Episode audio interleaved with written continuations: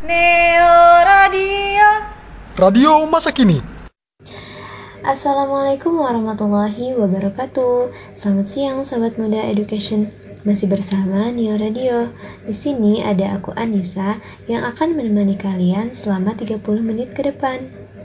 Di sini aku mau membahas tentang PPKM darurat yang di mana yang bisa kita ketahui ya, disebut dengan pemberlakukan pembatasan kegiatan masyarakat. Sebelum lanjut ke pembahasan berikutnya, uh, aku mau puterin lagu dulu nih biar tetap semangat mendengarkan Neo Radio. Tetap stay tune di Neo Radio ya. Ketika mimpimu yang begitu indah pernah terwujud. Ya sudahlah. Saat kau berlari mengejar anganmu dan tak pernah sampai. Ya sudahlah. Hmm, hmm, hmm. apa pun yang terjadi ku kan selalu ada untukmu Janganlah kau bersedih Cause everything's gonna be okay. Yo, yo, satu sekian kemungkinan Kau jatuh. Tanpa ada harapan. Saat itu raga ku persembahkan. Sama jiwa, cinta, cinta dan harapan. Kita sambung satu persatu sebab akibat. Tapi tenanglah, mata hati kita akan lihat. Menuntun ke arah mata angin bahagia. Kau dan aku tahu, jalan selalu ada. Aku tahu lagi, problem akan terus menerjang Bagi deras ombak yang menabrak karang Namun ku tahu, ku tahu kau mampu untuk tetap tenang. Hadapi ini bersama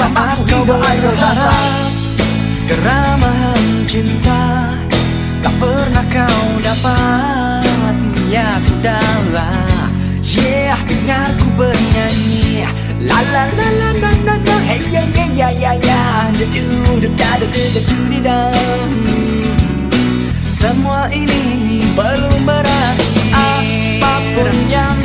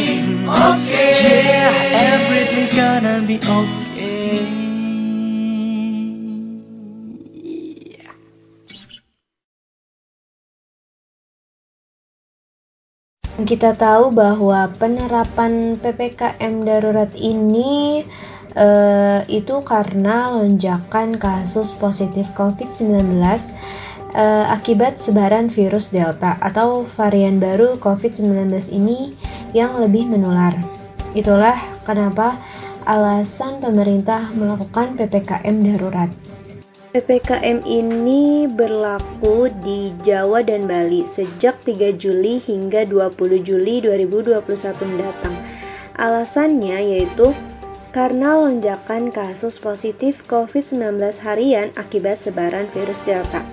Varian baru COVID-19 yang keenam kali lebih menular Delta telah meningkatkan kasus aktif COVID-19 di Indonesia hingga 228.000 kasus untuk saat ini. Sebelumnya, kasus aktif sempat menurun dari 176.000 kasus di awal Februari 2021 menjadi 87.000 kasus di pertengahan Mei 2021. Akibatnya, tingkat keterisian tempat tidur atau bed occupancy rate atau BOR nasional melonjak tajam menjadi 72%. Bahkan, BOR di rumah sakit darurat COVID-19 Wisma Atlet kini hampir menyentuh angka 90%. Dalam penjelasannya, berdasarkan hasil penilaian terdapat 48 kabupaten dan kota di 6 provinsi di Pulau Jawa yang memiliki nilai 4 dan dan memerlukan penanganan lebih lanjut dan harus ada treatment khusus sesuai dengan dengan yang ada di indikator laju penularan oleh WHO.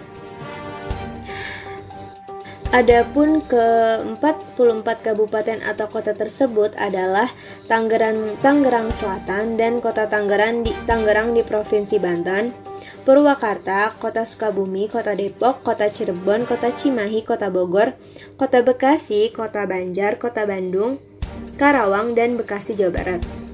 Lalu Jakarta Barat, Jakarta Timur, Jakarta Selatan, Jakarta Utara, Jakarta Pusat, dan Kepulauan Seribu. Sukoharjo, Rembang, Pati, Kudus, Kota Tegal, Kota Surakarta, Kota Semarang, Kota Salatiga, Kota Magelang, Klaten, Kebumen, Grobongan, dan, dan Banyumas di Jawa Tengah. Selain itu ada Sleman, Kota Yogyakarta, dan Bantul, Daerah Istimewa Yogyakarta, serta Tulungagung, Sidoarjo, Madiun, Lamongan, Kota Surabaya, Kota Mojokerto, Kota Malang, Kota Madiun, Kota Kediri, Kota Blitar, dan Kota Batu, Jawa Timur. Presiden mengatakan penanganan COVID-19 merupakan kunci dari pemulihan ekonomi. Berbagai indikator ekonomi seperti indeks kepercayaan konsumen dan indeks penjualan retail sangat dipengaruhi oleh perkembangan kasus yang ada. Itu dia tadi alasan pemerintah memberlakukan PPKM terutama di Jawa dan Bali, terhitung sejak 3 Juli sampai 20 Juli mendatang. Tentunya kita sebagai masyarakat uh, perlu mendukung usaha pemerintah dalam menangani COVID-19 ini. Tetap ikuti aturan, ikuti aturan protokol kesehatan, dan uh, tetap di rumah aja kalau kita nggak ada urusan penting. Uh, dan juga uh, pokoknya tetap jaga kesehatan. Berikut ada aturan resmi untuk PPKM Mikro Darurat yang akan dimulai 3 Juli 2021. Yang pertama, 100% work from home untuk sektor non-esensial. Yang kedua, seluruh kegiatan belajar mengajar dilakukan secara online atau daring.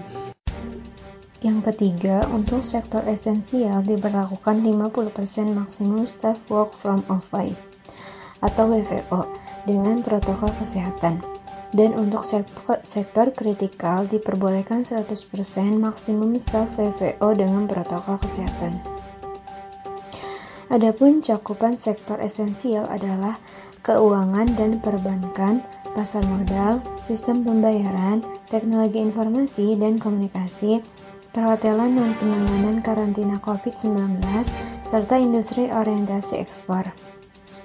Adapun cakupan sektor kritikal adalah energi, kesehatan, keamanan, logistik dan transportasi, industri makanan, minuman dan penunjangnya, petrokimia, semen, objek vital nasional, penanganan bencana, proyek strategis nasional, konstruksi, utilitas dasar seperti listrik dan air, serta industri pemenuhan kebutuhan pokok masyarakat sehari-hari. Untuk supermarket, pasar tradisional, toko kelontong, dan pasar swalayan yang menjual kebutuhan sehari-hari dibatasi jam operasionalnya sampai pukul 8 malam. Waktu setempat dengan kapasitas pengunjung 50%. Untuk apotek dan toko obat bisa buka full selama 24 jam. Yang keempat, pusat perbelanjaan atau mall atau pusat perdagangan ditutup. Yang kelima, pelaksanaan kegiatan makan atau minum di tempat umum seperti warung makan, rumah makan, kafe, pedagang kaki lima, lapak jalanan, eh, lapak jajanan, baik yang berada pada lokasi tersendiri maupun yang berlokasi pada pusat perbelanjaan atau mall hanya menerima delivery atau take away dan tidak menerima makan di tempat. Yang keenam, pelaksanaan kegiatan konstruksi, tempat konstruksi dan lokasi proyek beroperasi 100% dengan menerapkan protokol kesehatan secara lebih ketat. Yang ketujuh, tempat ibadah seperti masjid, musola, gereja, pura, vihara, dan kelenteng serta tempat umum lainnya yang difungsikan sebagai tempat ibadah ditutup sementara. Yang kedelapan, fasilitas umum, eh, area publik, taman umum, tempat wisata, tempat wisata umum dan area publik lainnya ditutup sementara. Kesembilan, kegiatan seni atau budaya, olahraga dan sosial kemasyarakatan, lokasi seni, budaya, sarana olahraga dan kegiatan sosial yang dapat menimbulkan keramaian dan kerumunan ditutup sementara. Kesepuluh, transportasi umum, kendaraan umum, angkutan massal, taksi, dan e, kendaraan sewa atau rental diberlakukan dengan pengaturan kapasitas maksimal 70% dengan menerapkan protokol kesehatan secara lebih ketat.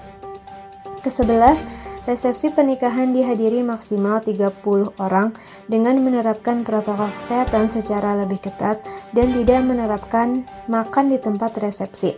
Penyediaan makanan hanya diperbolehkan dalam tempat tertutup dan untuk dibawa pulang. Kedua belas, pelaku perjalanan domestik yang menggunakan moda transportasi jarak jauh seperti pesawat, bis, dan kereta harus menunjukkan kartu vaksin, minimal vaksin dosis 1, dan PCR H-2 untuk pesawat serta antigen H-1 untuk moda transportasi jarak jauh lainnya. 13. Masker tetap dipakai saat melaksanakan kegiatan di luar rumah. Tidak diizinkan penggunaan face tanpa penggunaan masker. 14. Pelaksanaan PPKM Mikro di RT atau RW zona merah tetap diberlakukan. Nah, itu dia tadi aturan-aturan pemberlakuan PPKM darurat ini yang berlaku mulai 3 Juli sampai 20 Juli mendatang. Sebelum lanjut ke pembahasan berikutnya, uh, aku mau puterin lagu dulu nih biar tetap semangat mendengarkan Neo Radio. Tetap stay tune di Neo Radio ya.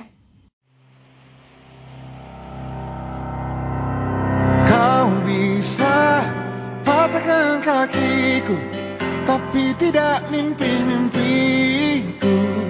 Kau bisa lumpuhkan tanganku, tapi tidak mimpi-mimpiku. Kau bisa merebut senyumku Tapi sungguh tak akan lama. Kau bisa merobek hatiku Tapi aku tahu obatnya.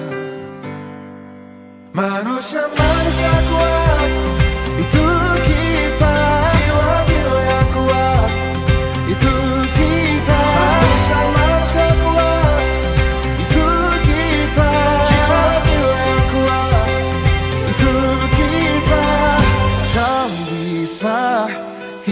hitamkan putihku Kau takkan gelapkan apa pun. Kau bisa runtuhkan jalanku Kan ku temukan jalan yang lain. Manusia-manusia kuat Itu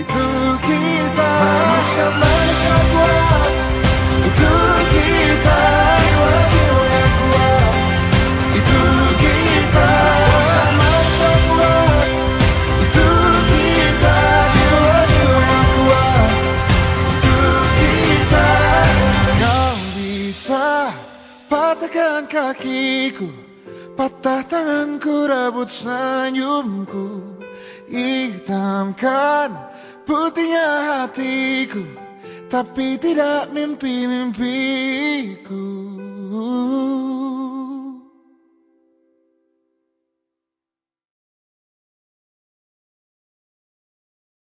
Hey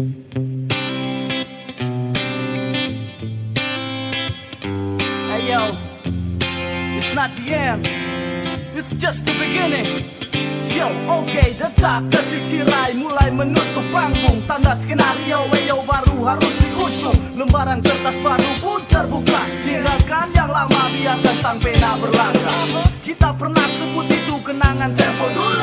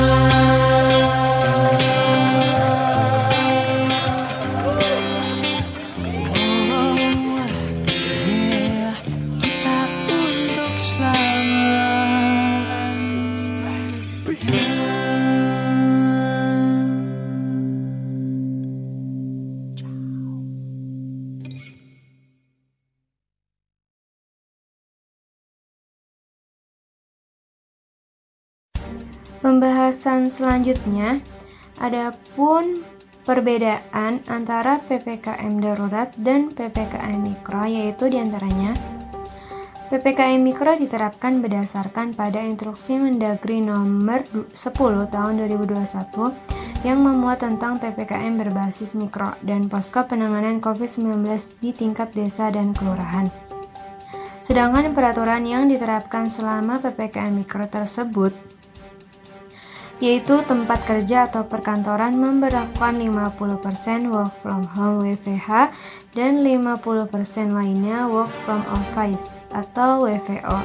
Kegiatan belajar mengajar dilakukan secara daring atau online dan sebagian diperbolehkan melakukan pembelajaran tatap muka.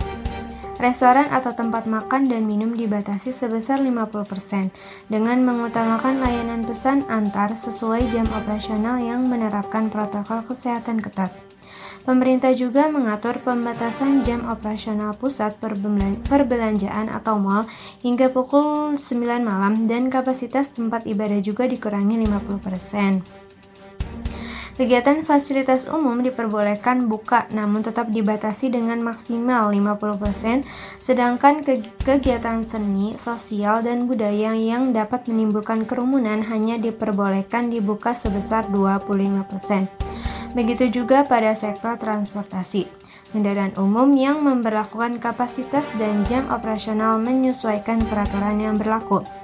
Sementara kegiatan konstruksi dan sektor esensial seperti kesehatan, bahan pangan, makanan, minuman, energi, komunikasi, perbankan, dan logistik diizinkan berjalan 100%, namun tetap menerapkan protokol kesehatan ketat.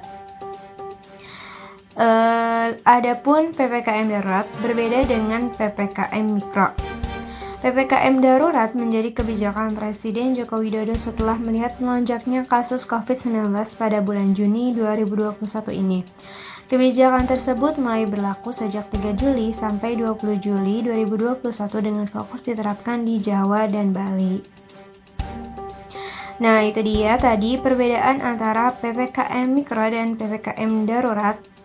Uh, adapun PPKM darurat perbedaannya itu telah uh, aku sampaikan yang di awal tentang aturan PPKM darurat. Tentunya sangat berbeda bukan dengan PPKM mikro. Karena pemberlakuan PPKM darurat ini menyebabkan kita harus melakukan aktivitas lebih banyak di rumah aja. Uh, tentunya uh, kita sudah mulai bosan nih kegiatan apa yang cocok untuk dilakukan di rumah aja. Aku punya beberapa ide uh, yang bisa dilakukan di rumah aja bersama keluarga. Yang pertama ada memasak bersama. Salah satu aktivitas menyenangkan kala di rumah aja adalah memasak. Tidak perlu memasak sesuatu yang rumit. Beberapa ide yang bisa kita lakukan misalnya membuat kue kering atau masakan sederhana untuk dijadikan camilan. Cemilan pun akan terasa menyenangkan. Yang kedua, olahraga bersama. Olahraga bersama merupakan salah satu aktivitas menyenangkan yang bisa dilakukan saat di rumah aja. Olahraga di rumah dapat dilakukan dengan sekedar jalan pagi, jogging, atau senam di area, di area rumahmu. Yang ketiga, mengerjakan pekerjaan rumah. Cara ini bukan hanya bisa menjadi alternatif menghabiskan waktu bersama menjadi lebih menyenangkan, tetapi juga mengajarkan anak-anak untuk belajar bertanggung jawab. Yang keempat, membuat karya seni bersama, seperti melukis dan bermain cat air bersama. Cara ini sekaligus dapat mengasah kreativitas anak. Sebelum memulai aktivitas ini, alasi lantai atau meja dengan kertas atau koran bekas. Lalu letakkan media yang akan digunakan oleh oleh anak untuk bermain cat air dan rekatkan dengan selotip atau lakban. Yang kelima, menonton film bersama film bisa menjadi alternatif terbaik untuk mempererat hubungan dengan anggota keluarga. Cobalah untuk memilih beberapa film bersama dan bangunlah diskusi dari tontonan tersebut. Yang keenam, membaca buku bersama. Cara ini tidak hanya akan membantu kemampuan membaca, pemahaman, dan kosakata, melainkan untuk meningkatkan kecerdasan emosional anak-anak. Kita juga dapat mengajak anak untuk belajar mengutarakan pendapat mereka setelah membaca buku. Yang ketujuh, bermain games bersama. Bermain games bersama juga merupakan salah satu aktivitas menyenangkan yang bisa dilakukan saat harus di rumah aja. Salah satu bentuknya bisa melakukan memainkan suatu games yang bisa dimainkan oleh banyak orang. Misalnya, board games seperti Monopoly, Banana Games, Uno, hingga Scrabble. Jangan lupa untuk abadikan momen-momen sewaktu bermain untuk menambah keseruan sekaligus jadi kenang-kenangan suatu hari nanti. Yang kedelapan, bercerita bersama. Bercerita bersama merupakan aktivitas menyenangkan yang baik untuk membangun intimasi dan keterbukaan antar anggota keluarga.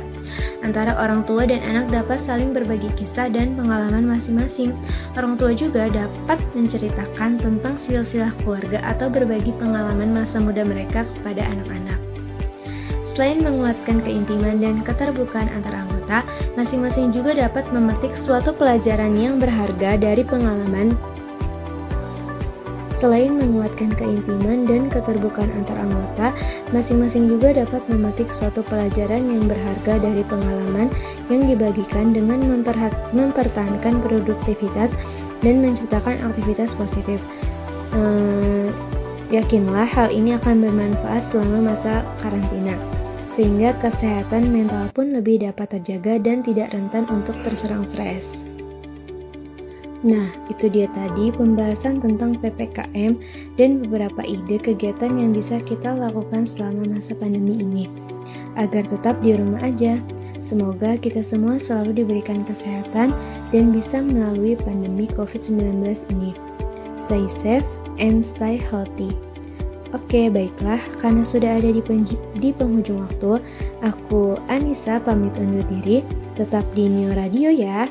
Wassalamualaikum warahmatullahi wabarakatuh.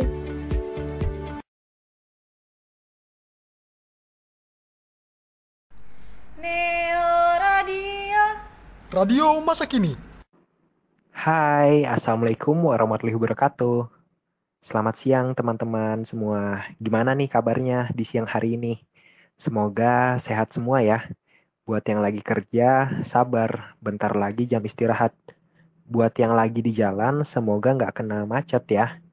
Yang lagi sakit, semoga cepat sembuh. Dan buat teman-teman semua yang lagi sekolah atau kuliah, tetap semangat. Kembali lagi nih di siaran Neo Radio FKIP Wika Bogor.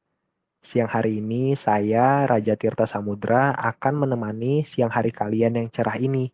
Tetap dengan informasi yang menambah wawasan dan seru-seru tentunya.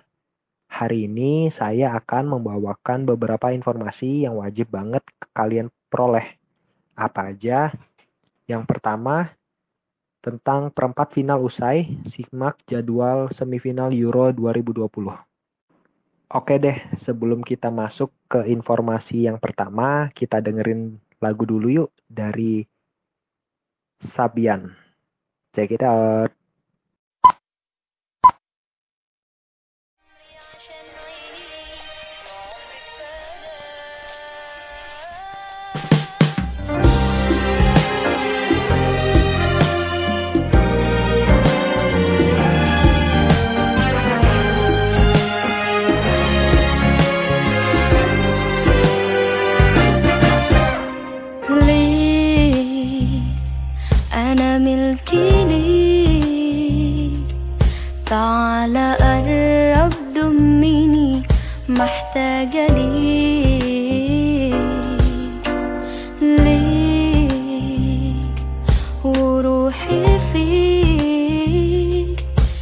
حب عمرنا عمري كله هعيشه ليك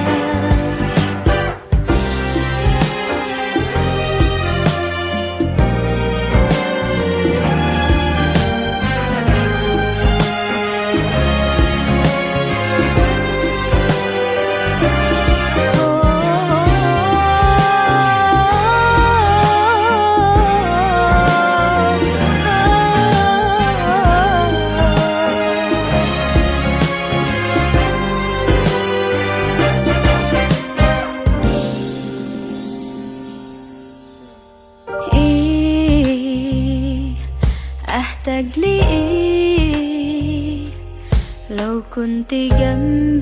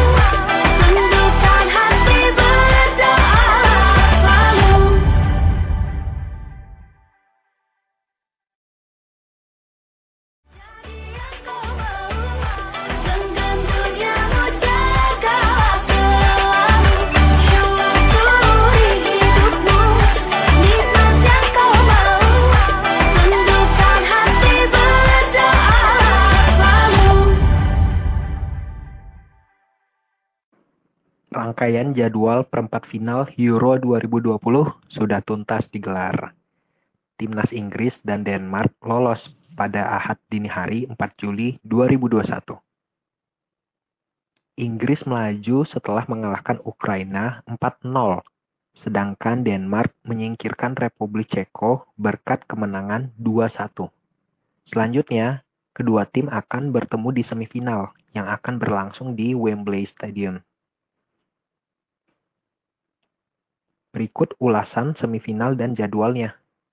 Italia versus Spanyol di Wembley, London, 7 Juli pukul 2 WIB. Revolusi Italia di bawah Roberto Mancini berlanjut dengan menumbangkan Belgia yang sudah tiga tahun memuncaki peringkat FIFA dalam laga semifinal di Munchen. Hasil 2-1 yang dipetik Italia di semifinal membuat mereka kini meraih 15 kemenangan beruntun di pertandingan Euro, termasuk fase kualifikasi. Menghentikan rentetan serupa Belgia berakhir di angka 14 laga. Spanyol sempat dilanda kekhawatiran ketika Kapten Sergio Busquets gagal sebagai algojo pertama adu penalti. Tetapi kiper Unai Simon melakukan dua penyelamatan atas dua eksekusi penendang Swiss.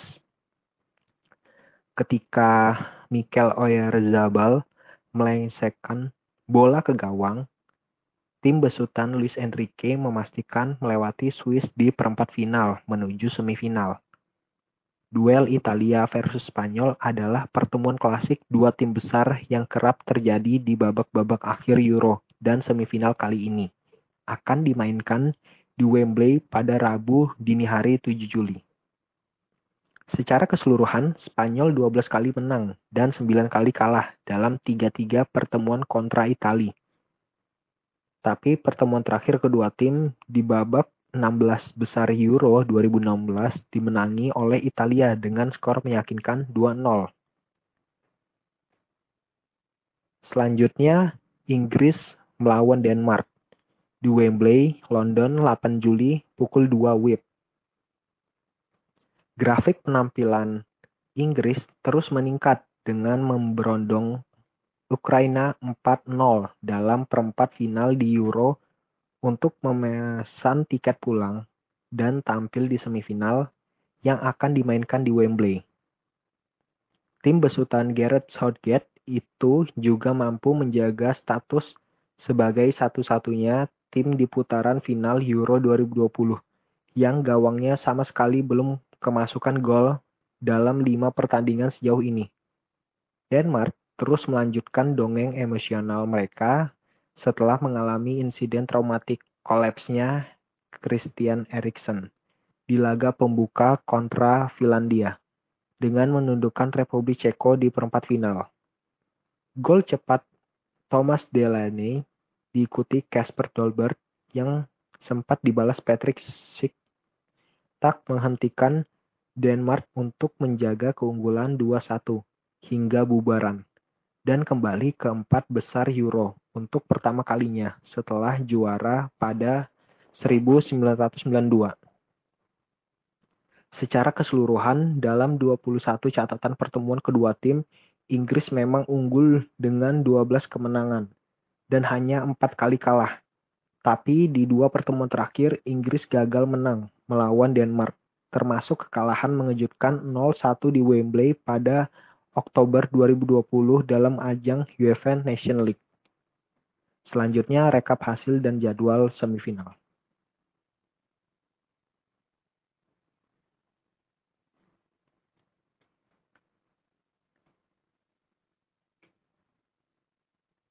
Hasil babak perempat final Euro 2020.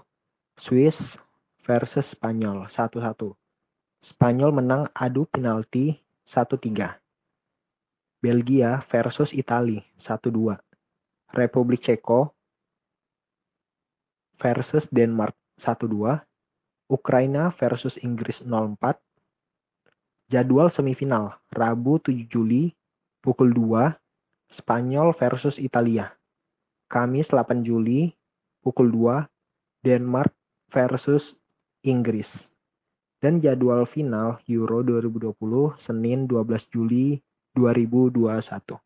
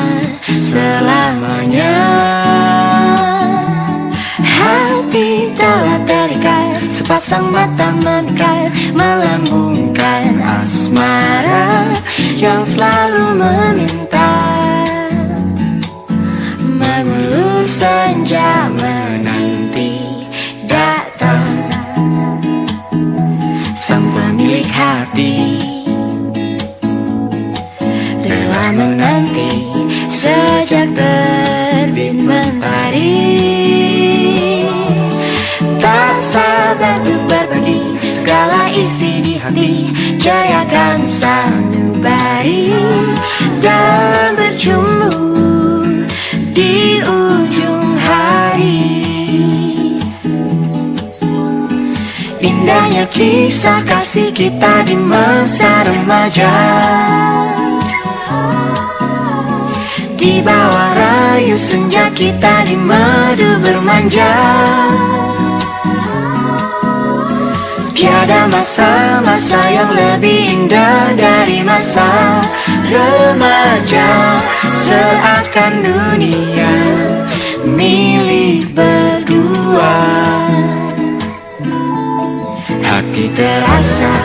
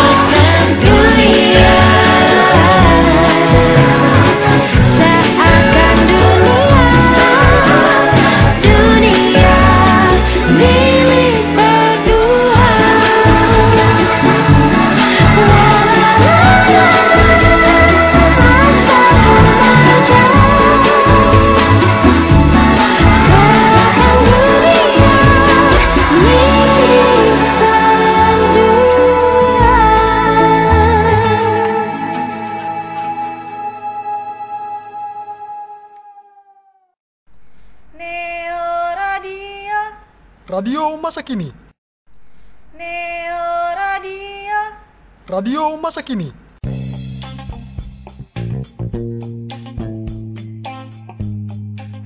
Assalamualaikum teman-teman. Halo sobat muda education, kembali lagi nih bersama Dea di sini tentunya di Neo Radio. Nah, apa kabar teman-teman? Semoga kabarnya sehat-sehat ya. Nah, sekarang lagi banyak banget nih COVID 9 COVID-19 yang makin tinggi jumlahnya terpapar COVID-19. Nah, bagi teman-teman yang ada keperluan di luar rumah, jangan dulu deh mendingan ya. Mending kita diam di rumah aja hashtag di rumah aja. Karena lagi gencar-gencarnya nih COVID-19 sedang naik-naiknya. Jadi teman-teman kalau misalkan gak ada keperluan yang mendadak mendadak banget yang penting banget mending kita di rumah aja deh. Cari aman nah Dea di sini bakal bahas tentang anjuran 5M dan dampak COVID Delta. Tapi sebelum dia bahas, dia bakal kasih lagu untuk teman-teman yang ada di rumah. Nah, ini dia. Selamat mendengarkan.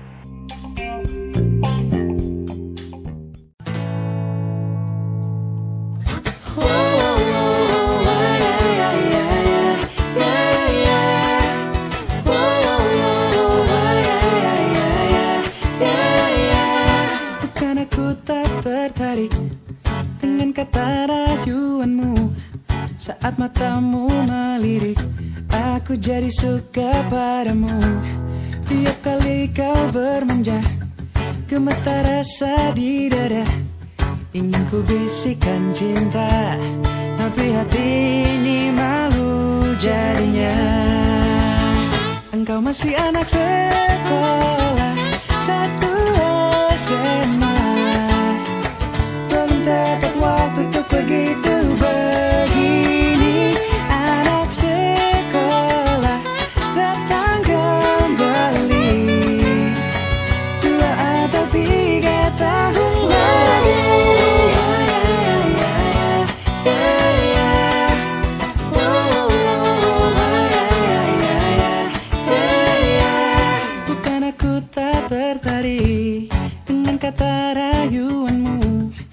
Saat matamu melirik Aku jadi suka padamu.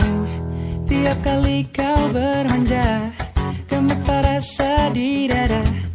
Ingin ku bisikan cinta Tapi hati ini malu jadinya. Oh, engkau masih anak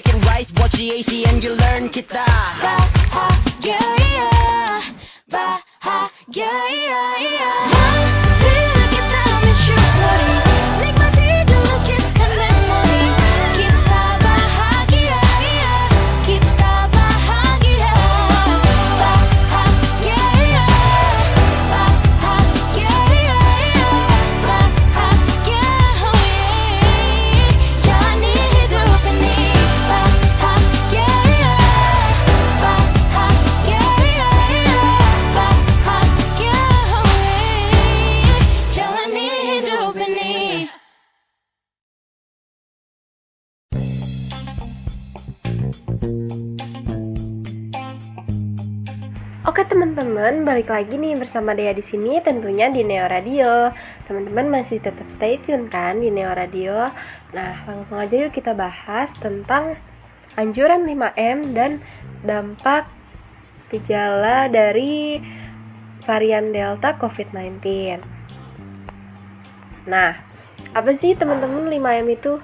Nah, 5M itu yang pertama memakai masker, yang kedua mencuci tangan, yang ketiga menjaga jarak, keempat eh, yang keempat menghindari kerumunan dan yang terakhir ada menghindari mobilitas. Nah, untuk menjaganya dari kita terpapar COVID-19. Apa pun variannya, 5M itu efektif kalau diterapkan dengan sungguh-sungguh dan konsisten secara kualitas maupun kuantitas. Seperti gejala terinfeksi virus corona varian Delta. Nah, apa sih gejala virus corona varian Delta? Gejala infeksi varian ini pada dasarnya mirip dengan infeksi virus asalnya. Akan tetapi, varian Delta membuat gejala-gejala tersebut menjadi lebih parah dan lebih sulit ditangani oleh tim medis. Profesor Kedokteran Darurat dan Kesehatan Internasional di John Hopkins University Dr. Bakti Hansoti seperti diberitakan kompas.com menyebutkan beberapa gejala terinfeksi virus corona varian Delta. Nah, aku kasih tahu dia kasih tahu beberapa gejalanya yaitu sakit perut, hilangnya selera makan, muntah, mual-mual, nyeri sendi, dan gangguan pendengaran. Kebanyakan pasien yang terinfeksi varian ini membutuhkan perawatan medis di rumah sakit, bahkan memerlukan bantuan oksigen. Sementara itu, Profesor Epidemiologi Genetika di King's College London, Tim Spector menyebut gejala yang timbul akibat infeksi virus varian Delta terasa seperti flu yang parah. COVID sekarang berbeda, dia lebih menyerupai flu yang parah. Orang-orang mungkin berpikir hanya mengalami flu, flu musiman dan mereka tetap pergi ke pesta. Kami pikir ini masalah, kata tim. Tim juga menjelaskan beberapa gejala yang paling banyak dilaporkan oleh penderita COVID-19 varian Delta, yaitu sakit kepala, sakit tenggorokan, pilek, dan demam.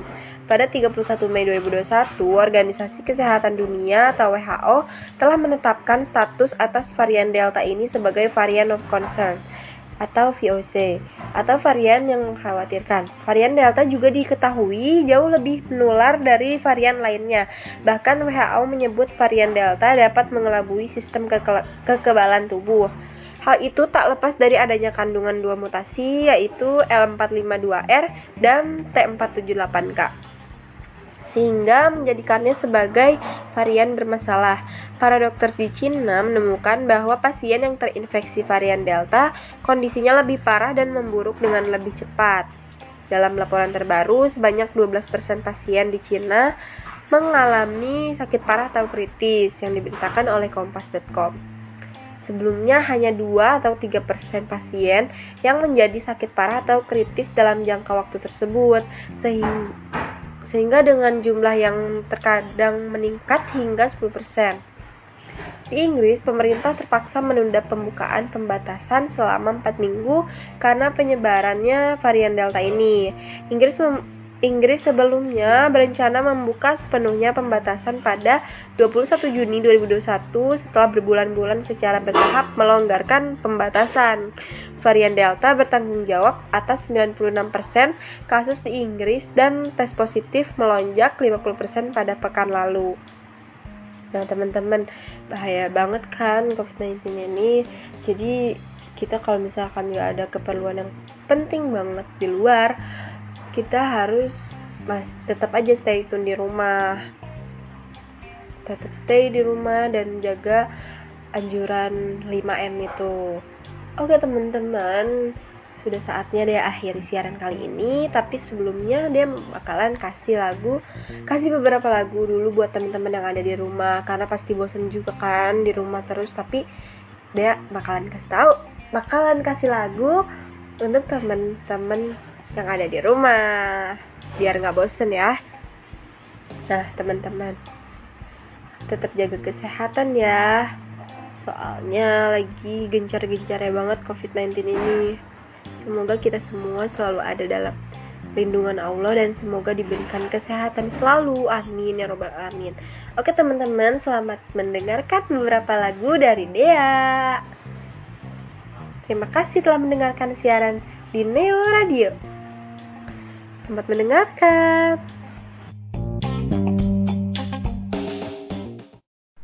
Neo Radio. Radio masa kini.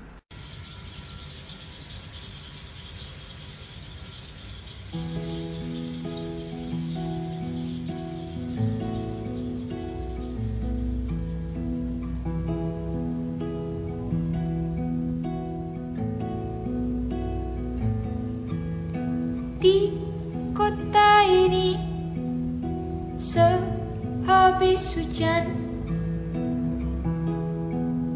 Desember yang lalu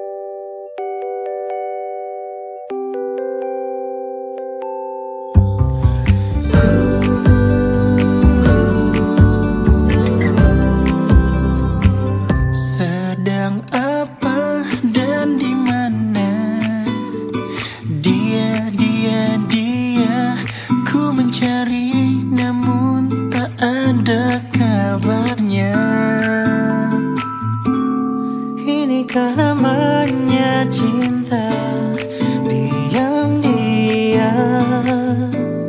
Ku mulai curiga.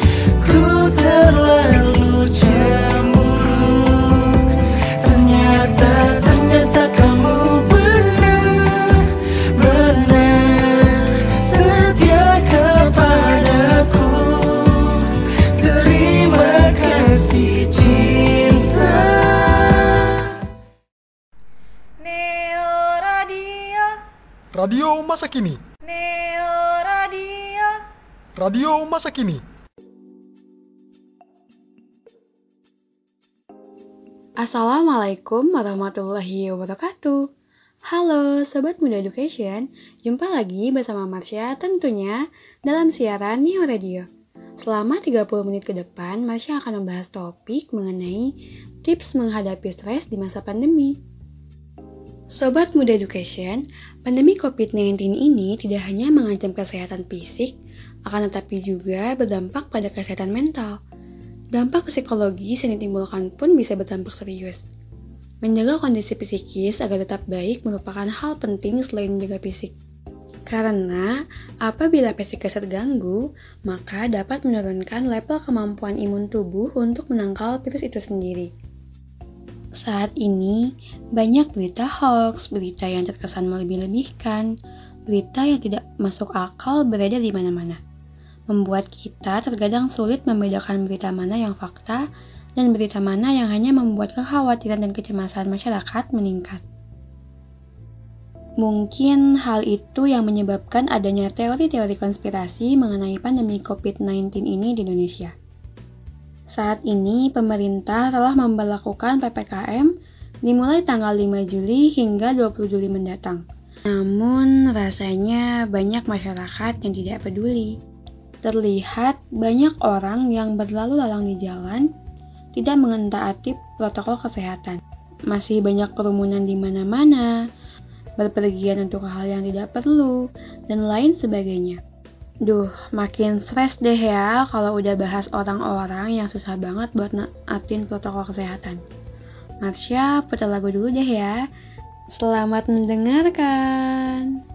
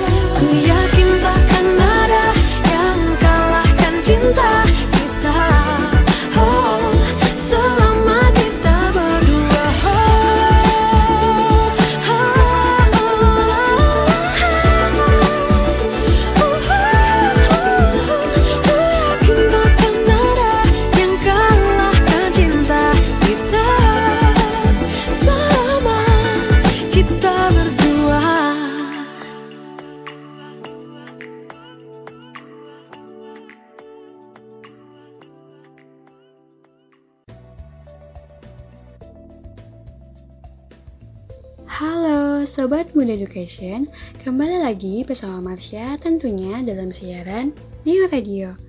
Hmm, baiknya kita langsung ke topik pembahasan aja ya. Marsha bakal kasih info tentang tips menghadapi stres di masa pandemi. Tips yang pertama yaitu bijak menyaring informasi. Cara pertama untuk menjaga kesehatan mental di tengah pandemi COVID-19 ini adalah dengan membatasi konsumsi terkait berita yang ada. Kamu bisa membatasi waktu membaca ataupun menonton yang tidak membuat kamu lebih baik. Memilih berita yang sudah tersebar luas dan tidak mudah percaya dengan berita yang ada adalah salah satu cara untuk menghindarkan kamu dari tekanan yang diciptakan oleh berita-berita yang ada. Tips yang kedua yaitu membatasi penggunaan sosial media. Kamu bisa untuk memutuskan tidak aktif bersosial media terlebih dahulu. Hal ini bisa membuat kamu tidak terkontaminasi dari berita-berita yang tidak baik untuk kesehatan mental. Namun, hal ini sifatnya sementara karena kamu juga perlu memperbarui berita yang ada. Pilihan yang bijak selama kamu non-aktif dari sosial media adalah membaca buku atau mencoba hobi-hobi yang selama ini belum sempat kamu jalani. Nah, tips yang ketiga yaitu menjaga kebersihan diri. Cara lain yang bisa kamu terapkan untuk tetap bisa menjaga kesehatan mental adalah dengan menjaga kebersihan diri, yaitu rutin mencuci tangan. Namun, jangan berlebihan juga ya. Pastikan saja jika sehabis menyentuh permukaan benda, kamu segera cuci tangan dengan sabun. Mencuci tangan dengan sabun adalah salah satu cara efektif untuk menekan infeksi virus corona.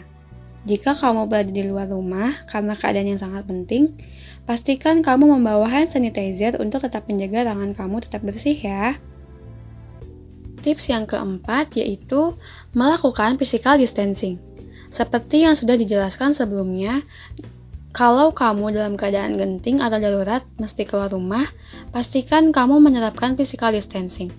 Semisalnya, kalau antri di minimarket, kamu mesti menjaga jarak dengan orang lain. Gunakan masker dan berusaha tidak menyentuh bagian apa pun yang ada di wajah sebelum memastikan kalau tangan kamu bersih.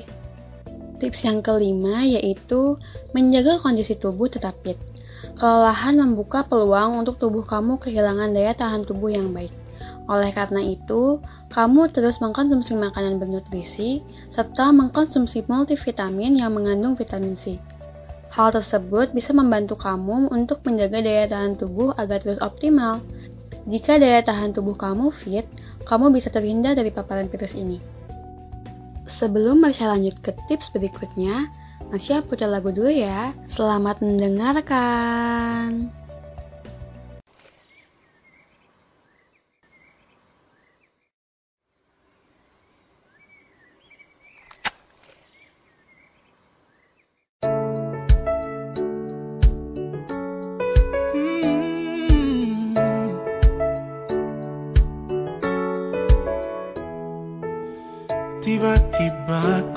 Teringat dirinya Dan semua cerita-cerita indah tentangku. Dan dia Tiba-tiba dalam hati bertanya Sedang apa dan di mana dia? Masihkah dia menyimpan rasa? Rasa tiba-tiba ada Setelah sekian lama kita berpisah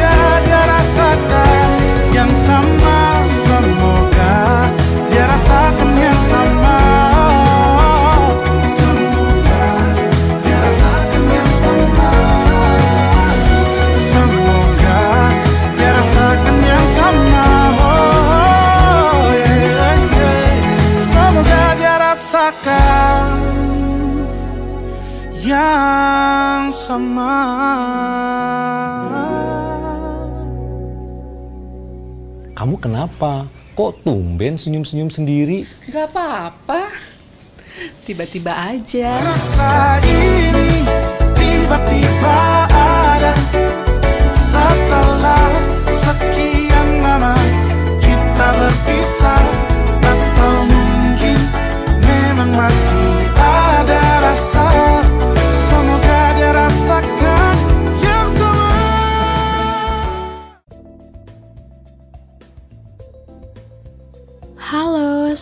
Muda Education, kembali lagi bersama Marsha dalam siaran Neo Radio.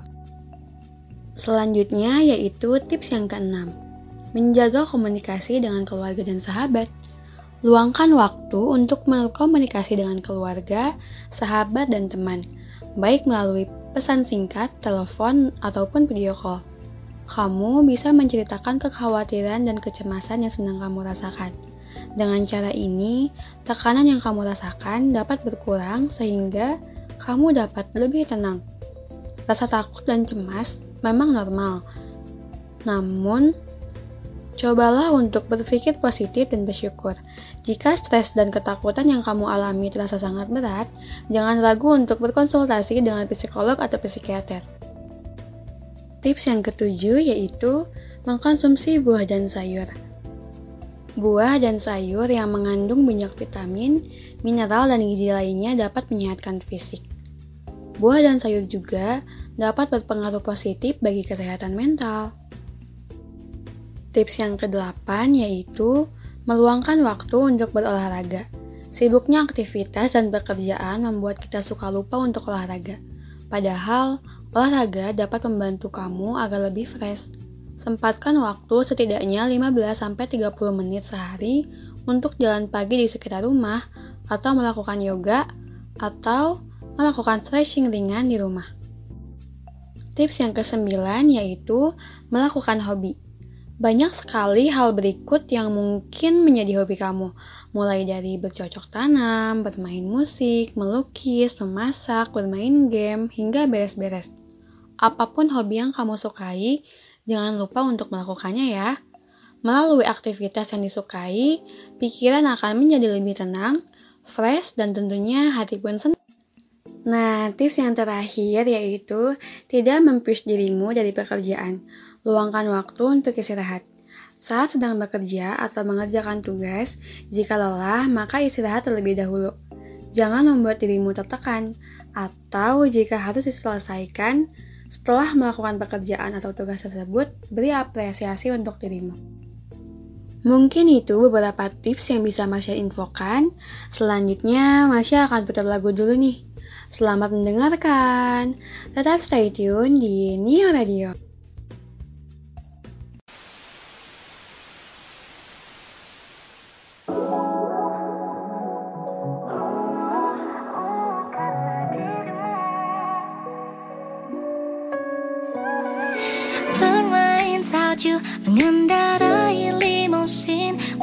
Menjadi superstar, tur keliling dunia. Satu persatu, ku tuliskan mimpiku Dari hal terkecil, hingga yang paling mustahil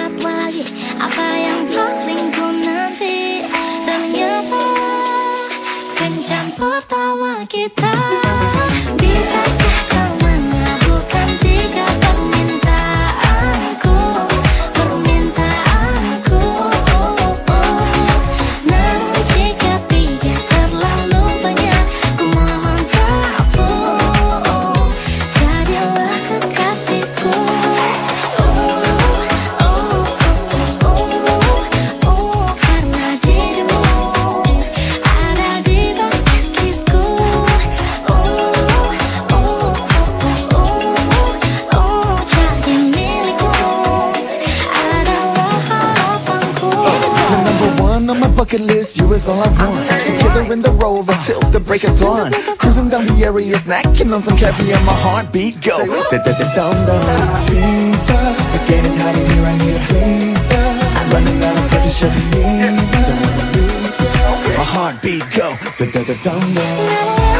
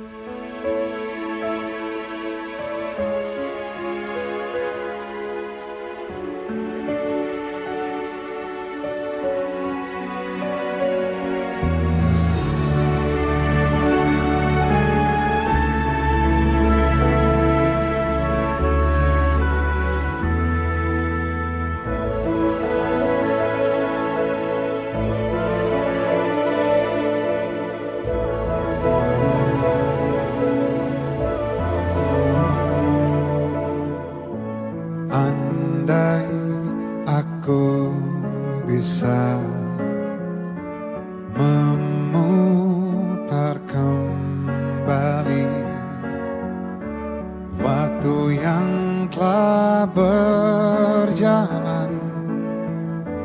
Tuh kembali.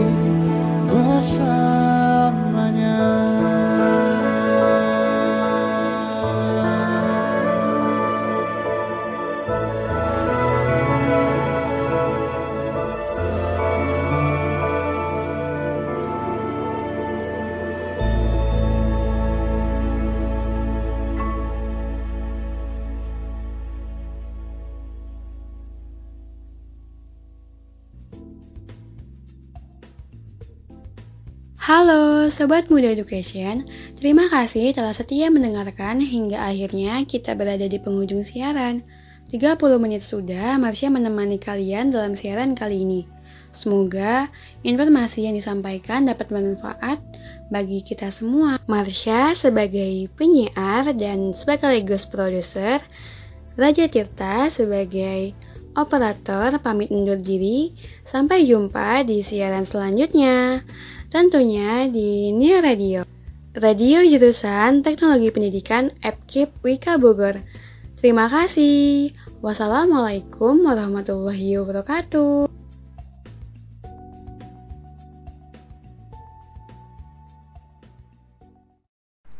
Neo Radio. Radio masa kini. Assalamualaikum warahmatullahi wabarakatuh.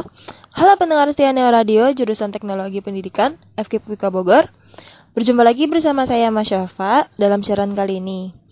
Sederet berita hangat akan Mas Syafa sajikan untuk kalian pada kesempatan Selasa 5 Juli 6 Juli 2021.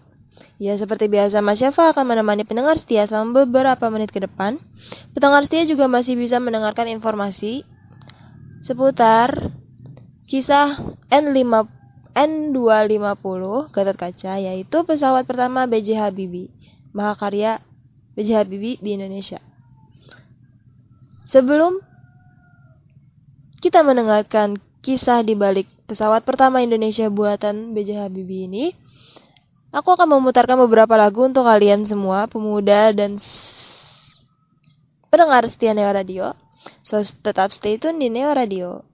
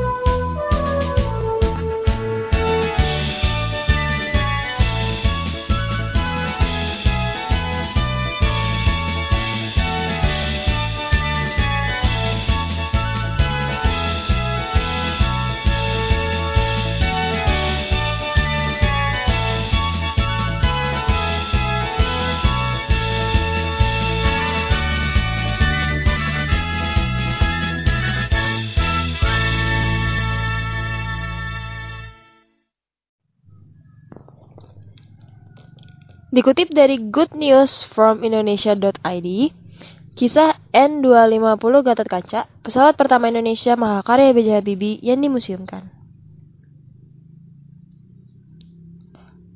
Para generasi 90-an, masih ingatkah lagu Kapal Terbang yang dipopulerkan oleh penyanyi cilik Joshua Herman? Joshua Suherman?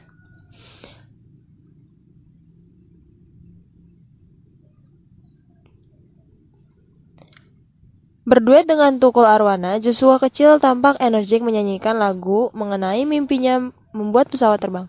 Jika lupa, seperti inilah liriknya.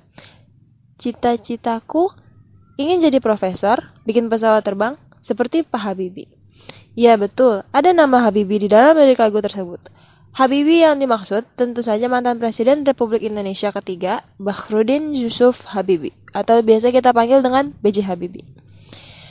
Sebelum menjadi presiden, Habibie memang dikenal sebagai pakar dunia penerbangan, masuk kuliah di Institut Teknologi Pendidikan Bandung, yang dulunya adalah Universitas Indonesia Bandung, pada tahun 1954. Ia kemudian mendapatkan beasiswa dari Menteri Pendidikan dan Kebudayaan untuk melanjutkan kuliah di Rhein West, West, Westfa, Westfalen Econ Technisch Hochschule atau RWTH Jerman dengan spesialisasi konstruksi pesawat terbang tek, atau teknik penerbangan. Setelah lulus, setelah lulus, sosok sosok kelahiran Parepare Sulawesi Selatan ini bekerja di sebuah industri kereta api firma Talbot di Jerman sambil melanjutkan studi dokternya pada tahun 1956 sampai dengan 1969. Ia bekerja di Messer Messerschmitt Bolko Bom, sebuah perusahaan penerbangan yang berpusat di Hamburg, Jerman. Jabatannya saat itu ialah Kepala Penelitian dan Penerbangan Analisis Struktur Pesawat Terbang. Dari situ, tak heran kalau ia dipercaya bisa membuat pesawat pertama bagi Indonesia. Pesawat karya Habibie yang paling dikenal ialah N250 Gatot Kaca. Kejeniusan Habibie dalam teknologi penerbangan dikenal banyak negara. Beberapa penghargaan pernah disandang oleh Habibie yang dijuluki sebagai Mr. Crack karena keahliannya menerbang, menebang menebang retakan pesawat. Pada 7 Desember 1994, misalnya, ia dianugerahi Edward Warner Award. Habibie saat itu menjadi orang pertama dari dalam 50 tahun yang dianggap berjasa dalam penerbangan sipil. Berkat kejeniusannya, jauh sebelum N250 Gatot dibuat, Habibie pernah digoda pengembangan industri kedirgantaraan Filipina pada Januari 1974. Orang yang mengajak bukan orang sembarangan karena dia karena ajakan terlontar langsung dari mulut Presiden Filipina sendiri, yaitu Ferdinand Marcos pada saat itu. Setibanya di ruang tamu istana, Habibie disambut hangat oleh Presiden Marcos. Habibie dibuat kaget karena sang presiden menyambutnya dengan ucapan, Selamat datang di negaramu. Ia kemudian menjawab, Pak Presiden, saya bukan orang Filipin. Mendengar itu, Presiden Marcos dengan santai menjawab, Ah, kamu anak dari wilayah ini. Ya, wilayah yang dimaksud adalah Asia Tenggara. Presiden Marcos berusaha keras membujuk Habibie mengembangkan industri dirgan, dirgantara di ibu kota Filipina, di Manila. Segala fasilitas disebut sudah dipersiapkan untuk memanjakannya. Namun dua minggu setelah pertemuan itu, Habibie menolak ajakan tersebut. Selang beberapa bulan, Presiden AR Presiden RI kedua Soeharto bertemu dengan Presiden Marcos di Manado, Sulawesi Utara. Dengan sedikit pamer, Marcos mengatakan negaranya sudah siap mengembangkan teknologi dan di Dirgantara. Ketika Marcos menyebut nama Habibie, Soeharto pun membalas, Loh, itu Rudi. Rudi yang dimaksud adalah nama panggilan nama panggilan Habibie. Saya kenal dia dari kecil, kata Soeharto. Tidak mau kecolongan Filipina, Pemerintah Indonesia lantas memulangkan Habibie. Soeharto mengutus Direktur Utama Pertamina pertama, Ibnu Sutowo, menjemput Habibie di Düsseldorf, Jerman. Sesamanya di sana, Ibnu Suwoto membentak Habibie dengan bahasa Belanda. Saudara Rudi, Anda harus malu kepada diri sendiri sebagai orang Indonesia. Kenapa Anda membangun negara lain? Kata Ibnu Sutowo dengan bahasa Belandanya. Habibie mengaku ucapan itu sangat mengena baginya. Saya terdiam karena ucapan pedas, tapi tepat sekali, saya malu, curhat Habibie. Pada Maret 1974, Habibie akhirnya pulang ke tanah air sesuai instruksi Ibnu Sutowo. Ia diberi jabatan sebagai penasihat direktur utama Pertamina. Setahun kemudian, Soeharto dan Ibnu Sutowo membentuk divisi Advanced Technology dan Teknologi Penerbangan Pertamina. Divisi lalu menjadi industri pesawat terbang Nusantara atau IPTN yang mulai beroperasi pada 26 April 1976.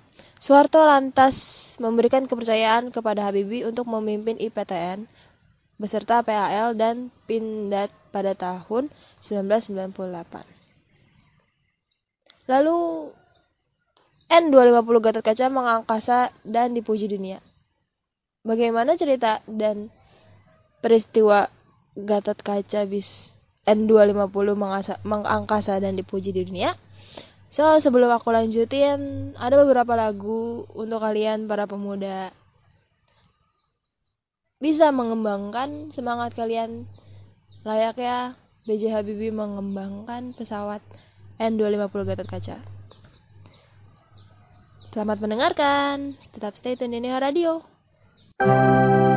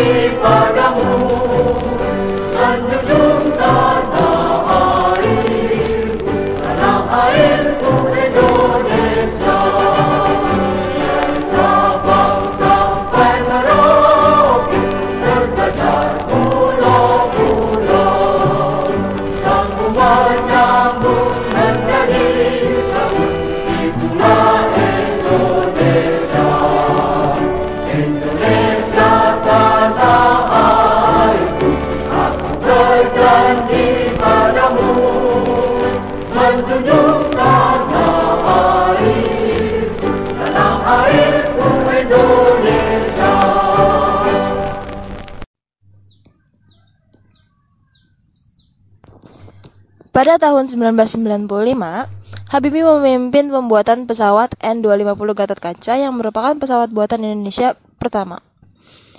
Proyek pembuatan pesawat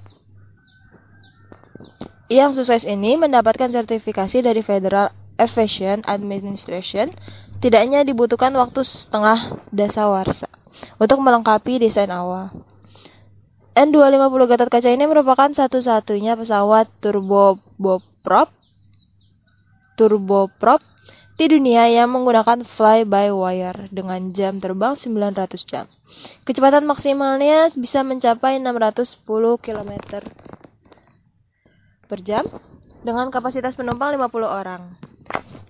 N250 mampu beroperasi di ketinggian 24.000 kaki atau 7.620 meter dengan daya jelajah sejauh 1.480 km. N250 diproduksi oleh Industri Pesawat Terbang Nusantara IPTN ITPN yang kini menjadi PT Dirgantara Indonesia. Nama Gatot Kaca disematkan pada pesawat dis- tersebut diberikan oleh Soeharto. Gatot Kaca sendiri adalah tokoh pahlawan dalam mitologi Jawa yang diberkahi kesaktian tubuh yang kuat dan bisa terbang. Pada Agustus 1996, kami berhasil menerbangkan prototipe N250 Gatot Kaca di Bandara Hussein Sata Negara, Bandung. Pesawat ini adalah pesawat pertama di kelasnya, Subsonic Speed, yang menggunakan teknologi flying by wire. Seluruh gerakan dikendalikan dengan komputerisasi. Pada saat itu, N250 merupakan pesawat ketiga yang menerapkan teknologi ini, selain Airbus A340 dan Boeing 767. Tapi dua pesawat itu adalah pesawat penumpang penumpang jet berkapasitas besar. Kelahiran N250 Gatot Kaca sukses besar dan dipuji dunia. Kenang Habibie dikutip dari G- GNFI dari majalah Tempo. Uji coba penerbangan terbukti sukses karena tidak mengalami Dutch roll atau istilah penerbangan untuk pesawat yang oleng berlebihan. Teknologi pesawat ini terbukti sangat canggih dan dipersiapkan Habibie untuk 30 tahun ke depan. Sayangnya, keperkasaan Gatot Kaca harus terhenti saat Indonesia diterpa krisis moneter atau krismon pada tahun 1998. Proyek pesawat N250 pun dihentikan karena negara diguncang krisis ekonomi tersebut. Lalu dimuseumkan di Yogyakarta. Sang Gatot Kaca kini bersiap melakukan perjalanan panjang dari Bandung menuju Mus Muspusdirla, Museum Pusat Dirgantara Mandala milik TNI AU di Lanut Adi Sucipto, Yogyakarta. Bukan terbang melalui bukan terbang, tetapi melalui jalan darat. Begitulah isi postingan yang disiarkan akun Facebook TNI Angkatan Udara. Menurut Kadispen TNI AU Mas Marsma Fajar Adia Adrianto, pesawat ke Kebanggaan RI itu akan dijadikan momen yang bisa dilihat oleh ma masyarakat kapan saja. Sang Gatot Kaca dibawa melalui jalur jalur darat melalui tol Pantai Utara atau Pantura, Jawa dari Bandung menuju Yogyakarta pada, pada pukul 22 waktu Indonesia Barat. Sejak Rismon, pesawat Gatot Kaca memang teronggok begitu saja di salah satu hanggar kawasan PTDI di Bandung, Jawa Barat. Gatot Kaca tidak tidak lagi bisa mengudara di langit Indonesia. Pesawat buatan dalam negeri ini sudah tidak bisa terbang dan bila di bila akan dikembangkan maka akan membutuhkan biaya yang lebih besar lagi. Diharapkan, pesawat N250 Gatot Kaca yang pernah membuat dunia internasional terpana dengan kecanggihannya ini bisa menjadi sumber inspirasi bagi anak-anak Indonesia setelah dimuseumkan. Untuk dirawat dan dijadikan monumen yang bisa dilihat masyarakat sebagai pertanda bahwa bangsa Indonesia pernah berjaya di Dirgantara, di Dirgantara sebut Fajar. Sekian kenangan ataupun cerita dibalik dari N250 Gatot Kaca, pesawat pertama buatan B.J. Habibie. So, semoga kita sebagai kaum muda-mudi kaum muda-mudi Indonesia bisa melanjutkan perjuangan dan juga semangat tekun seorang B.J. Habibie dalam memajukan dan mengharumkan nama bangsa Indonesia. Saya Masyafa Putri dari Neo Radio pamit undur diri untuk siaran kali ini. Semoga kita bisa bertemu di siaran-siaran selanjutnya setiap hari Selasa jam 1 siang. Terima kasih, sampai jumpa lagi. Wassalamualaikum warahmatullahi wabarakatuh.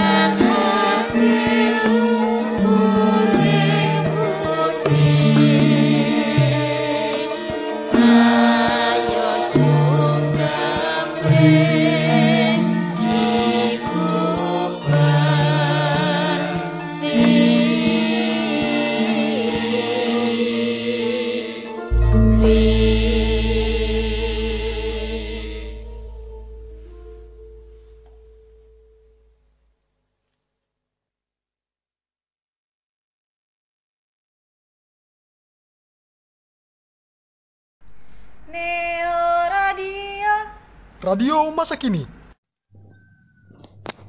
Halo pendengar setia Neo Radio Jurusan Teknologi Pendidikan FKIP UIK Bogor.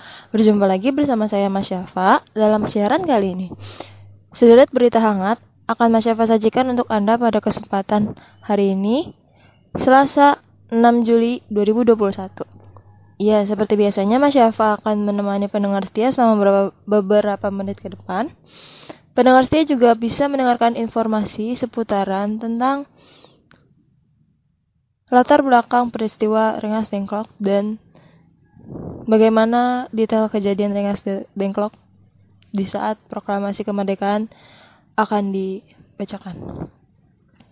Sebelumnya, sebelum kita mendengar peristiwa Rengas Dengklok, aku mau memberikan beberapa lagu buat pendengar setia Neo Radio yang mungkin akan mengingatkan kalian akan perjuangan pahlawan di masa lalu dan membuat bisa membuat kalian bersemangat dalam mempertahankan persatuan NKRI.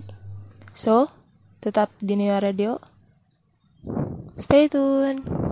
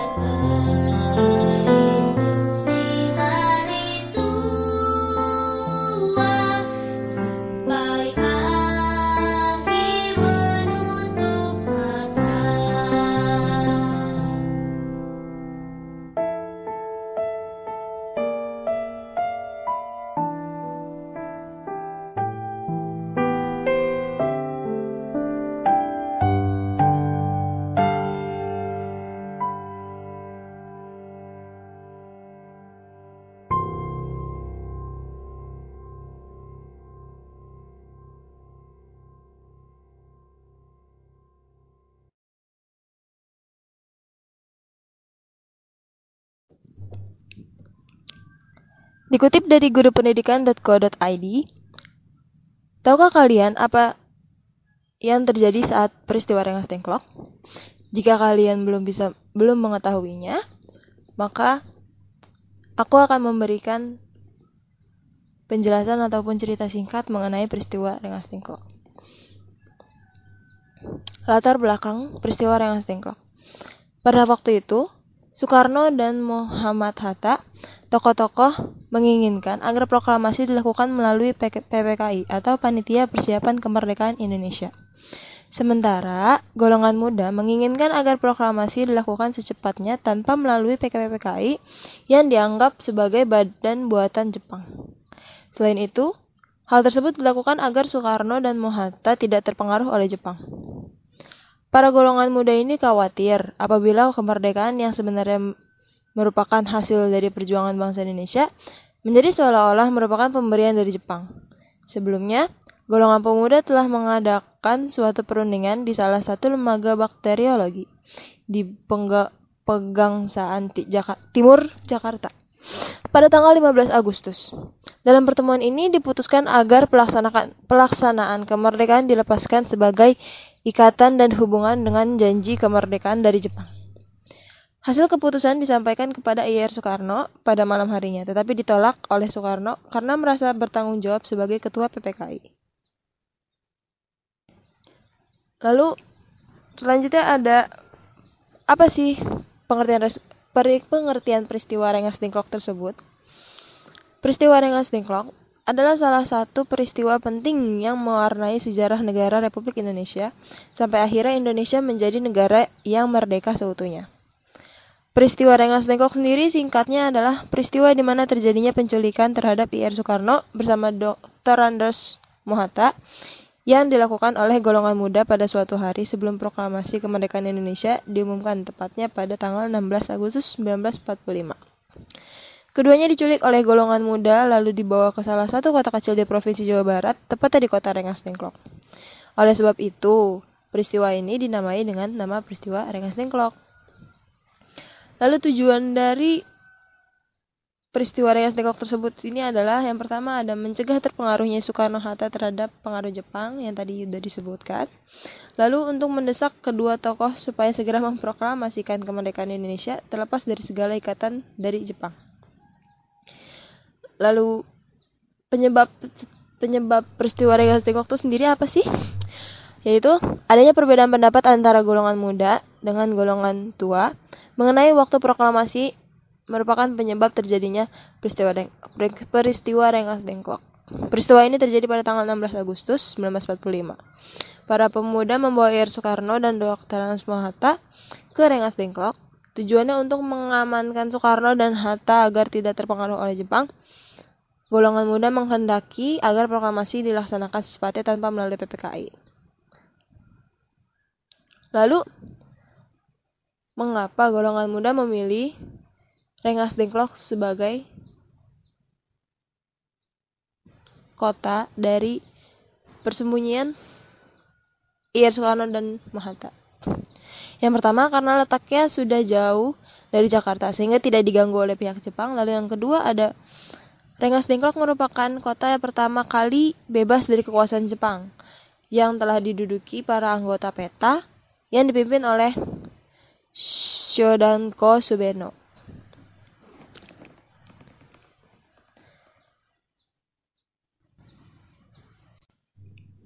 Untuk sekarang sampai di situ singkat cerita tujuan dan maupun latar belakang Rengas Dengklok sebelum aku lanjutin ke detail peristiwa dari Rengas Dengklok sendiri aku ada beberapa lagu lagi buat kalian para pemuda pemudi Indonesia untuk meningkatkan semangat kalian. So tetap stay tune di Neo Radio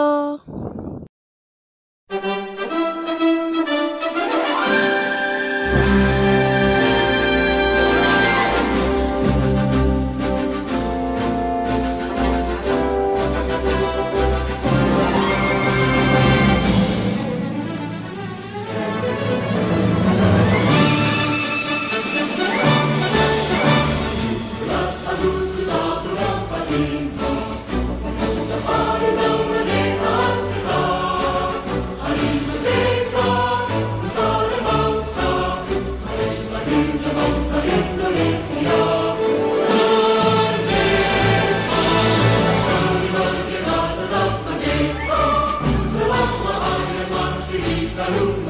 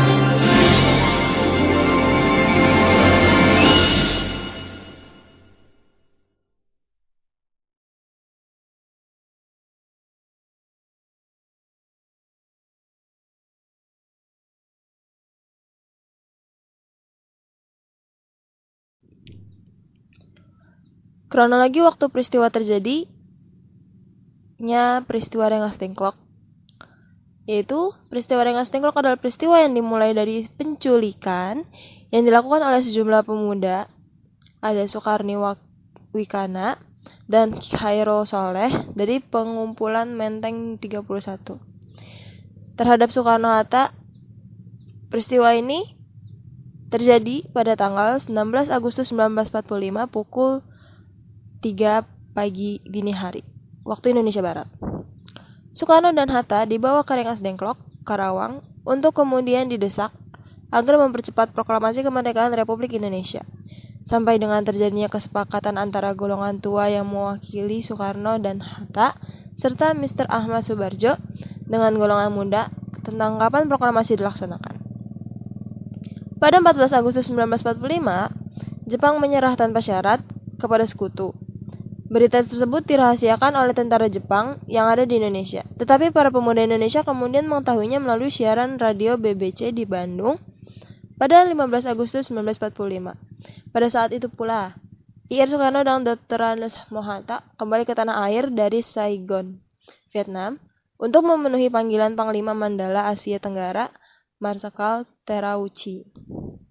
Pada tanggal 15 Agustus pukul 8 malam, Para pemuda ini di bawah pimpinan Khairul Saleh berkumpul di ruang belakang laboratorium bakteriologi yang berada di Jalan Pegangsaan Timur nomor 13 Jakarta. Para pemuda bersepakat bahwa kemerdekaan Indonesia adalah hak dan masalah rakyat Indonesia yang tidak bergantung kepada negara lain. Sedangkan golongan tua berpendapat bahwa kemerdekaan Indonesia harus dilaksanakan melalui revolusi secara terorganisir, karena mereka menginginkan menginginkan membicarakan proklamasi kemerdekaan Indonesia pada rapat PPKI tanggal 18 Agustus 1945. Lain halnya pendapat dari Mohatta dan Mr. Ahmad Subarjo.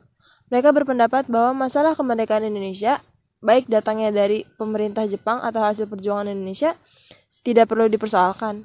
Justru sekutulah yang menjadi persoalan karena mengalah karena mengalahnya Jepang dalam perang Pasifik dan mau merebut kembali kekuasaan wilayah Indonesia.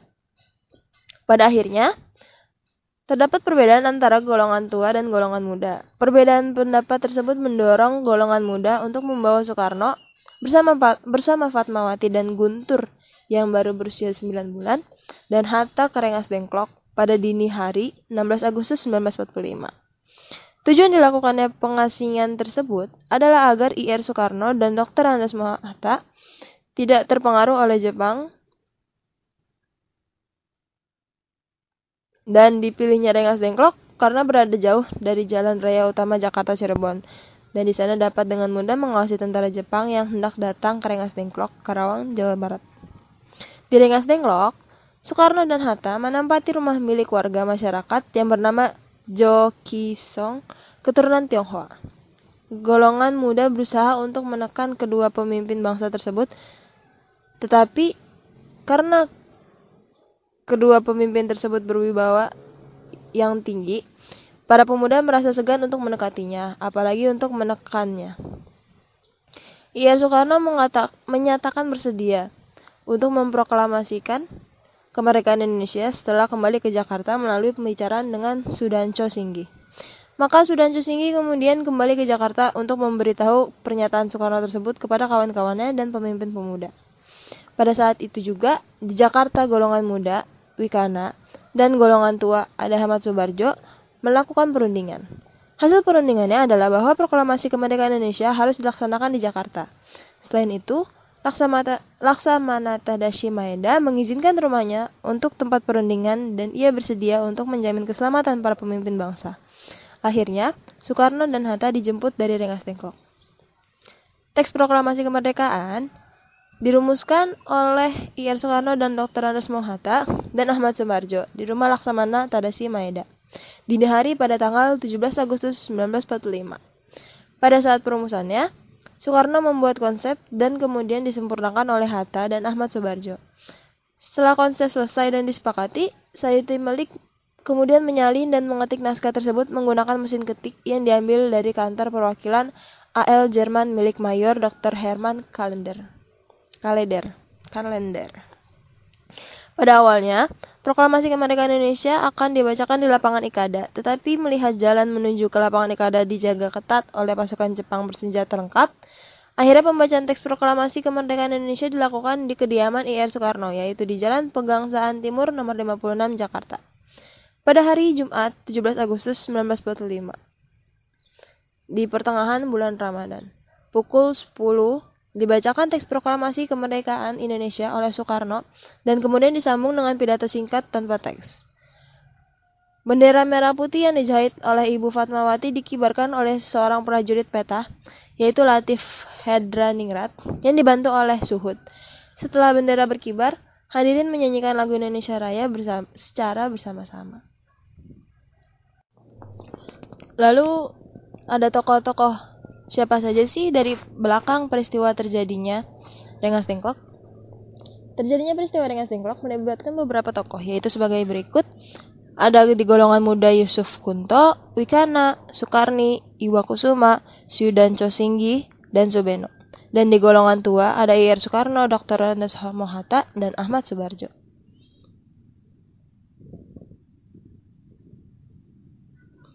Nah, itu dia um, cerita Rengas Dengklok dan di mana peristiwa proklamasi bisa dilakukan. Semoga kita sebagai penerus bangsa muda-mudi Indonesia dapat tetap mempertahankan persatuan negara Indonesia dengan